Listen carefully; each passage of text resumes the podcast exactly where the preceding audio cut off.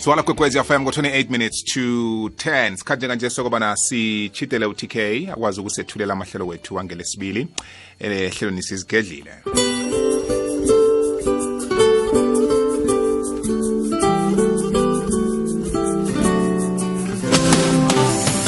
siyathokoza mthombothi mlaleli kokwezi fm siyakulotshisa siyakwamukela hlelweni lethu lezimali namhlanje sikungelesibili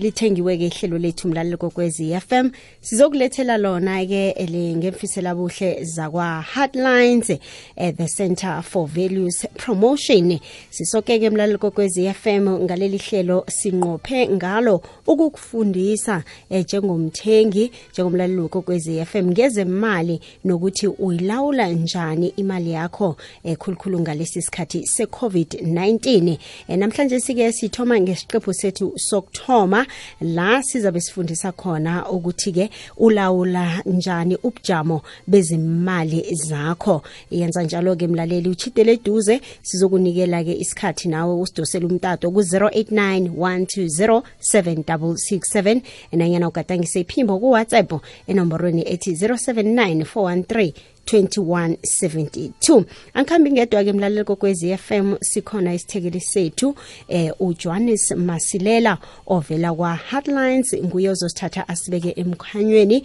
asifundise mayelana nokulawula imali zethu mina ke nginguTK uthokozane okamahlangu ihlelo lethelwa SABC Education Enriching Minds Enriching Lives livezwa nguThethi Sikhosana Johannes siyakwamukela siyakulotshisa emhasheni ikwekwezi FM Masilela siyakubulela ngiyathokoza kakhulu tk ukuthi ngamukele emkhathini ikwekwezi f m sanda uthatha leli thuba ngilothi sesifuthi nabalaleli emakhaya ukuthi laba bazobe basilalele ebusukeni balamhlanje sithokoze dlambile ngemali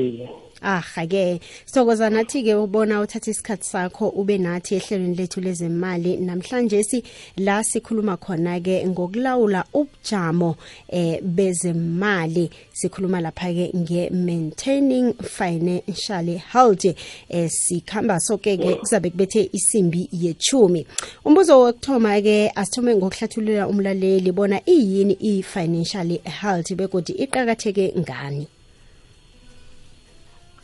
i-financial health yethu-ke nami laleli esekhaya um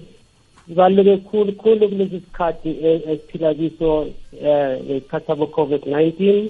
mm. futhi yona itshela ngokuthi lapha ufanele ukuthi sizame ukuthi imali engenako umholo ongenako um i-income yakho ongenanga kuwe ube ngaphezuzana kwemidingo zemali leyo zithi uthole ukuthi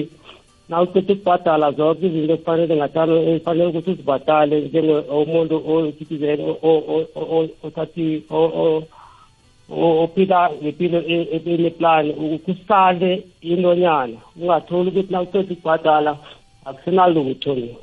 mhm kuba yini-ke siyifundise umlaleli ngayo i-financial health le eh i-financial health kubaluleke kukhulu ukuthi sifundise abalaleli ngayo ukuthi njengoba obujameni nakunje ukuthi umuntu eh, akwazi ukuthi azilungiselele ukuthi angazitholi asebunzimeni athole ukuthi nomkhumbulo wakhe kasakhona nokucabanga kuhle ngoba imali le nathi iyafana njenga ukuthi nawuhlogomela umzimba wakho ukuthi ufanele udle kuhle umzimba wakho ukuthi ukwazi ukuthi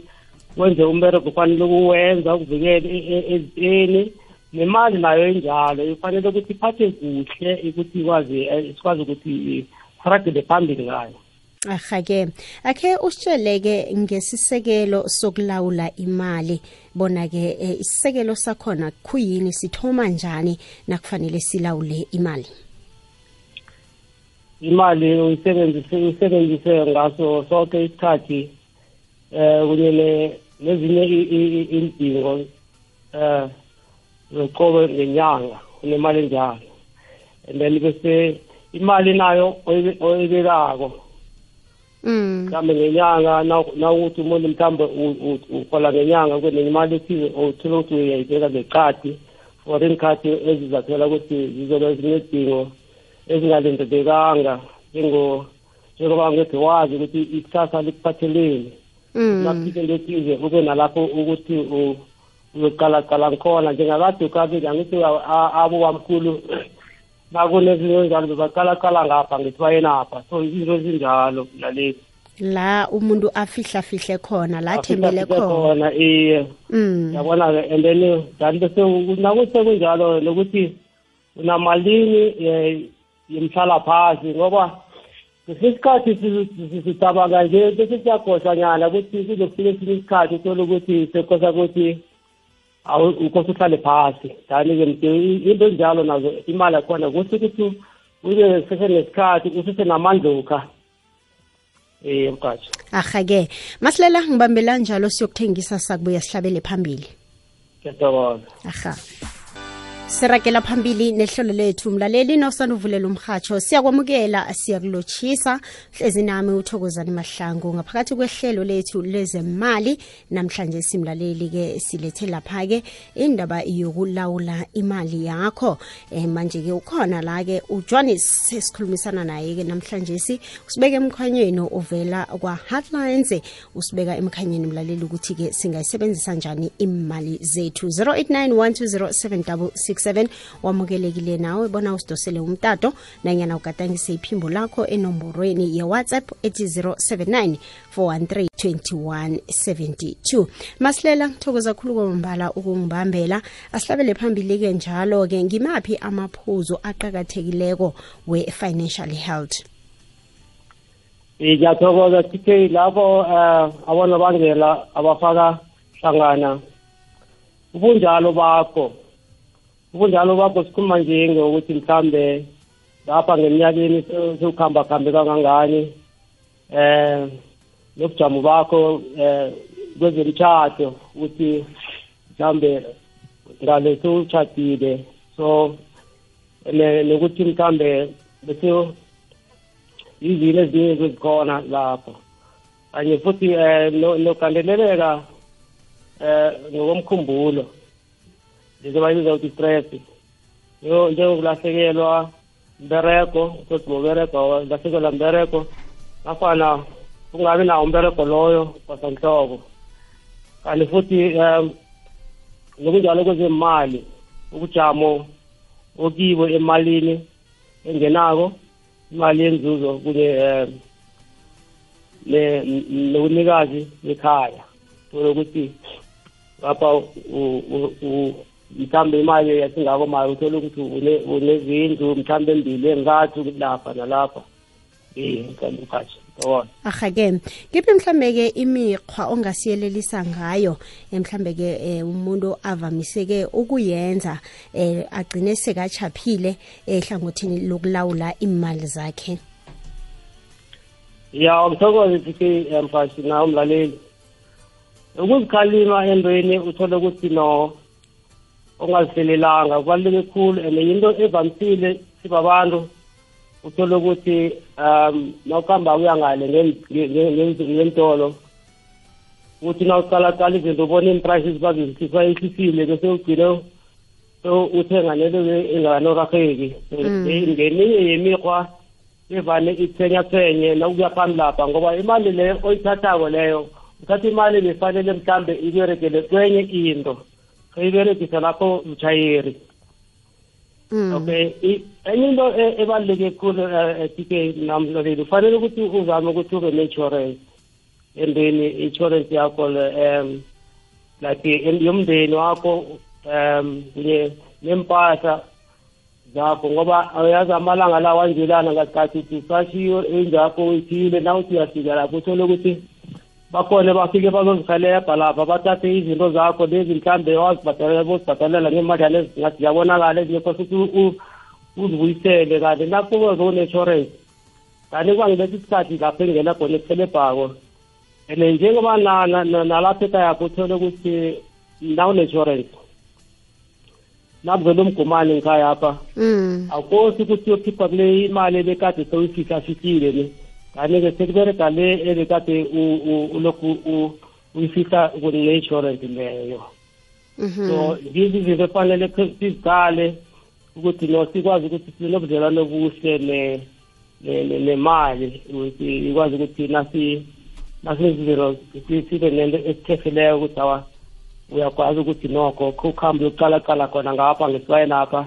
ukuthi sisenani yabona Mm-hmm. nakuthi ufanele lapha sike eh, namlalo uthoma amahlelo ukuhlangabezana namalo kabilo nemigomo yakho ushuthi ube nehlelo ulwazi nehlelo lendaba zemali nokhona ukuthi kufanele um eh, begodwa wenze isiqiniseko so ukuthi uyazibhadela inkolodo ngapha na ukuthi mhlawumbe uke nenkolodo kuwazivula ungaziliseleli khulu ke khona ukuthi se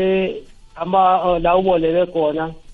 bakufakela um amanye amanani aphezulu ugcina sewubhadala imali phezulu kanti iyafuna khona ngapha ngesibaye napha jer uthole sewusale uhluzahluza yekezinye ziyalele ukuthi ukuthi ngaleli ukwazi ukuthi ube nobudlelwane obuhle nemali sizicaphele lezi zinto ezinjalo arha iyazwakala 089 ivuliwe imtato yethu mlaleli kwekwezi fm ungathoma-ke usidosele njenganje ehlelweni lethu e-commerce and finance olulethelwa ngebakwa-hardlines namhlanje simlaleli sikhuluma ngokulawula imali yakho bona-ke uyilawula njani ukhona-ke ujohannes ovela kwabakwa-hardlines 089 iba nombuzo kanti-ke nakuwhatsapp ugadangise iphimbo lakho enomborweni ethi 079 413 2172 hlabela phambili-ke masilela njengoba bosaletha-ke eminye yemikhwa esiba nayo eh, abathengi nayana abasebenzisi bemali yokuthi umuntu azithole mhlambe azigedlile aledlile angathathi imali eh, nayana into ezamsekela ngemali lokhana kabodlana wenze isibonelo njenge-insurance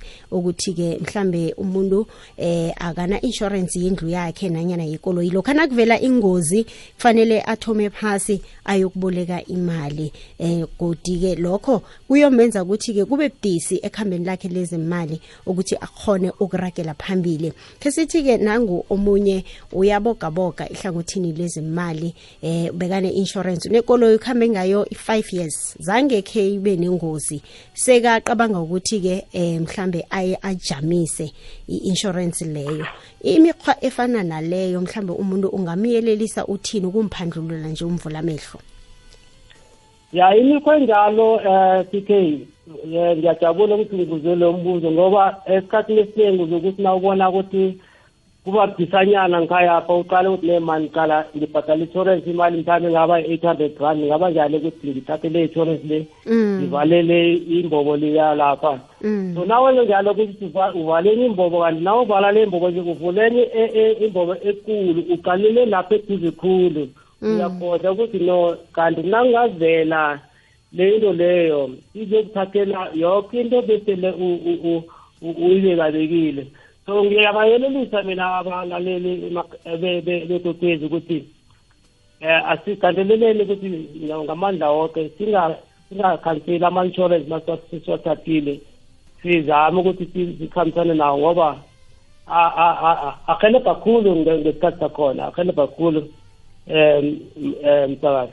iyazwakala 089 ihlelo lethu lezemali e-commerce and finance ulilethelwa ngebakwa hotlines asizwe umbuzo wakho eh, mlaleli kwekwezi FM la sikhuluma khona ngokuthi uyilawula njani imalakho uyakhumbula-ke sicalene lapha-ke nengogwana i-covid-19 baningi-ke abalahlekelwe msebenzi bakhona-ke amabhizinisi abo angakhambi ngendlela ejwayelekile efaneleko bakhona-ke um aba umsebenzi ongakhambi ngendlela ejwayelekileko manje-ke lokho kuzokusiza mlaleli bona ufunde ukulawula imali yakho wazi ukuthi imali yakho uyilawula bunjani kungakho-ke bakwa-heartlines um basilethele leli ihlelo ukhona ujohannes um masilela udlambili nguye-ke osibeka emkhanyweni ukuthi singasize kanjani dlambili sesijidele ukulisonga ihlelo lethu um ngabe mhlawumbe likhona elinye ilwazi ongalithanda ukulabela umlaleli wekwekwezi FM eliqakatheke khulu kwamambala ehlangothini lokuthi alawule imalakhe um eh, thike ngiyathokoza um bengisathanda ukuthi mlaleli um eh, sisakheni ubudlelwane obuhle nemali ngoba kuyo yonke into esiyenzako amalangeni la imali iyabereka mm. ene nasingayithathi system masithatha lula siyithathe nje ungasemarindo nje sizoba nemiraro eminingi mara asithi njengoba lakho amahlelo la azoba khona amalanga la until isiqeda silalele sifundisele sitshentshe indlela esibona ngayo imali ukuthi sikwazi ukuthi no imali fanele sinobudlelwane obuhle sikwazi kufanele ukuthi sihlele sihlele sibe namahlelo ukuthi no imali esisoso sifuna siyiberisa imali esisoso le kube nalapho esibhala khona sijwayelele ukubhala ukuthi okay ukhipha ama-record ngoba ngesinye isikhathi nangenzi njalo ugcina sowuberisa noma njani imali ungasazi ukuthi um kanti ngiberisele ebhontini sowubona lokhu anasenembobo ungazithi imbobo le mara izele njani so bengilalela ukuthi asifundisane ngendaba zemali ezi um ebalaleli Mhm. Omunye mhlambe angaba nombuzo ukuthi ke angathoma ukujayeza nini? Ke sithi mhlambe umuntu uqeda ukuthola umsebenzi. Eh mhlambe ke eh, bekangasebenzi isikhathi lesonke. Uthoma nini ukujayeza ukuthi alawule imali zakhe? Kufanele mhlambe kube nesikhathi esithize eh nanyana uthoma ngaso leso sikhathi leso. yabantu abadala nabakhulumayo bebathi ne ligotshwa sisemanzi mm lapho kuberekayo ukuthi uthi vele na usathomako vele usifundise umkhuba ukuthi imali eh iyabekwa eh ukuthi ungavele ukuthi nawuseyitholeko uyiberise ngasingaphezulu isikhathi yoke fanele ubekele kusasa wazi ukuthi nakusasa kuzoba nezinye izidilo bezingakalindeleki mhm.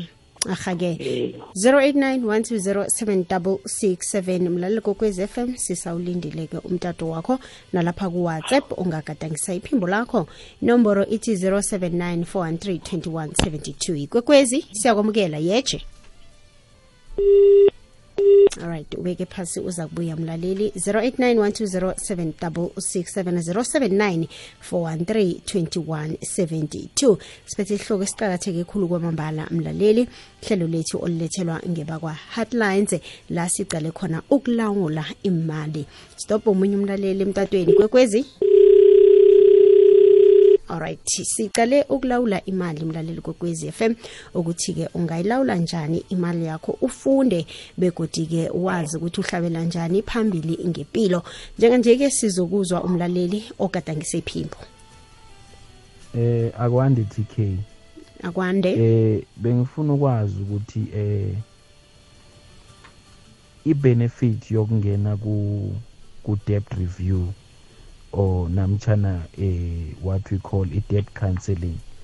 kusiza ngani eh, eh, emntwini onenkolodo khulu ngiyathokoza bengiba ukuba ngihloga igama ahake siyathokoza mna kwethu lambili thokoze uzwile umbuzo umlaleli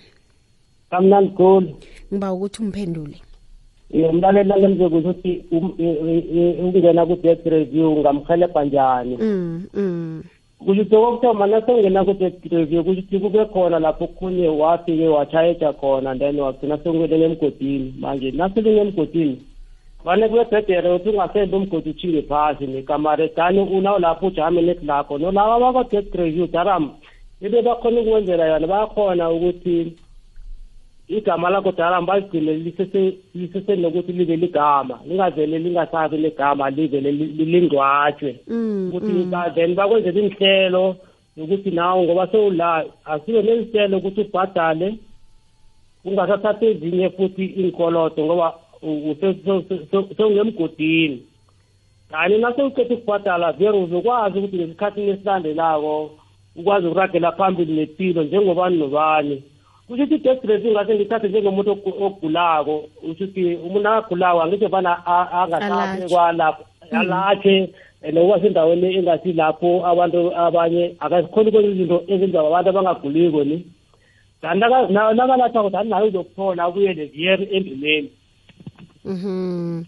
iyo lula nje um kukusiza ukuthi imichapho oyenzileko ngemali zakho esikhathini esidlulileko ungasayibuyelela begodi-ke ufunde ukuya phambili ngemali zakho ukuthi uzisebenzisa njani siyathemba ukuthi uphendulekile umlaleli wethu njenganje imizuzu elikhomba eseleko ngaphambi bona kubethe isimbi yechumi eh, sesitshidele ukuyisonga mlaleli kokwezi FM ehlelweni lethu lezemali i-commerce and finance eliza kuwe qobe ngelesibili ayimashumi amathathu imizuzu ngemva kwesimbi yethoba bekubethe isimbi yethumi masilela-ke akhe sitshiyele umlaleli wekwekwezi FM inomboro zomtato enange afuna ukuragela phambili nokhulumisana nawe ngesihloko sethu sanamhlanje thokoze khulu tk um umlaleli wekwekwezi f m uyakhona ukusithola kufacebook um lapha ku-hardlines and futhi siyatholakala kutwitter ku-hotline ku-hotline z a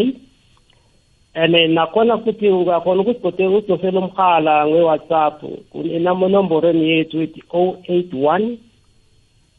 five four eight o oh two six two o oh eight one five four eight o two six two kanti begodi uyakhona ukuthi iseleli lanamhlanje sikhona ukuthi um udawulo ukuthi laphana ku-www hotlines.org za kuthi ihlelo nehlelo nasesiqedile ukuthi sikhulumisane ngalo uyakwazi ukuthi-ke siyakwazi uyodawunloada bese uthole futhi eminye imininingwane eminingi ethole ukuthi singanasikhathi sokuthi sihathe sikhulume ngayo lapha emhathweni ahake masilela sithokoze khulu womambala isikhathi sakho nehlathululo yonke osiphe yona ehlelweni lethu le-commerce and finance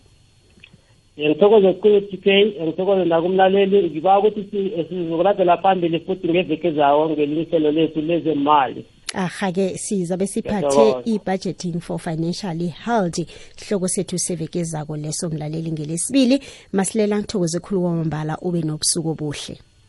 ngithokoze ke mlaleli kwekwezi fm ngujohannes masilela ovela kwa-hardlines besikhulumisana naye namhlanje si ngokulawula imali zakho hlelo leli ulethelwa zimfisela buhle zakwa-hardlines i-sabc education la kukwekwezi fm mina nginguthi ke thokozane okamahlangu livezwa ngutate sikhosana boboda bit uraga ihlelo sizigedlile mina nawe sihlangana kodu ngelesine ehlelweni lezef imfundo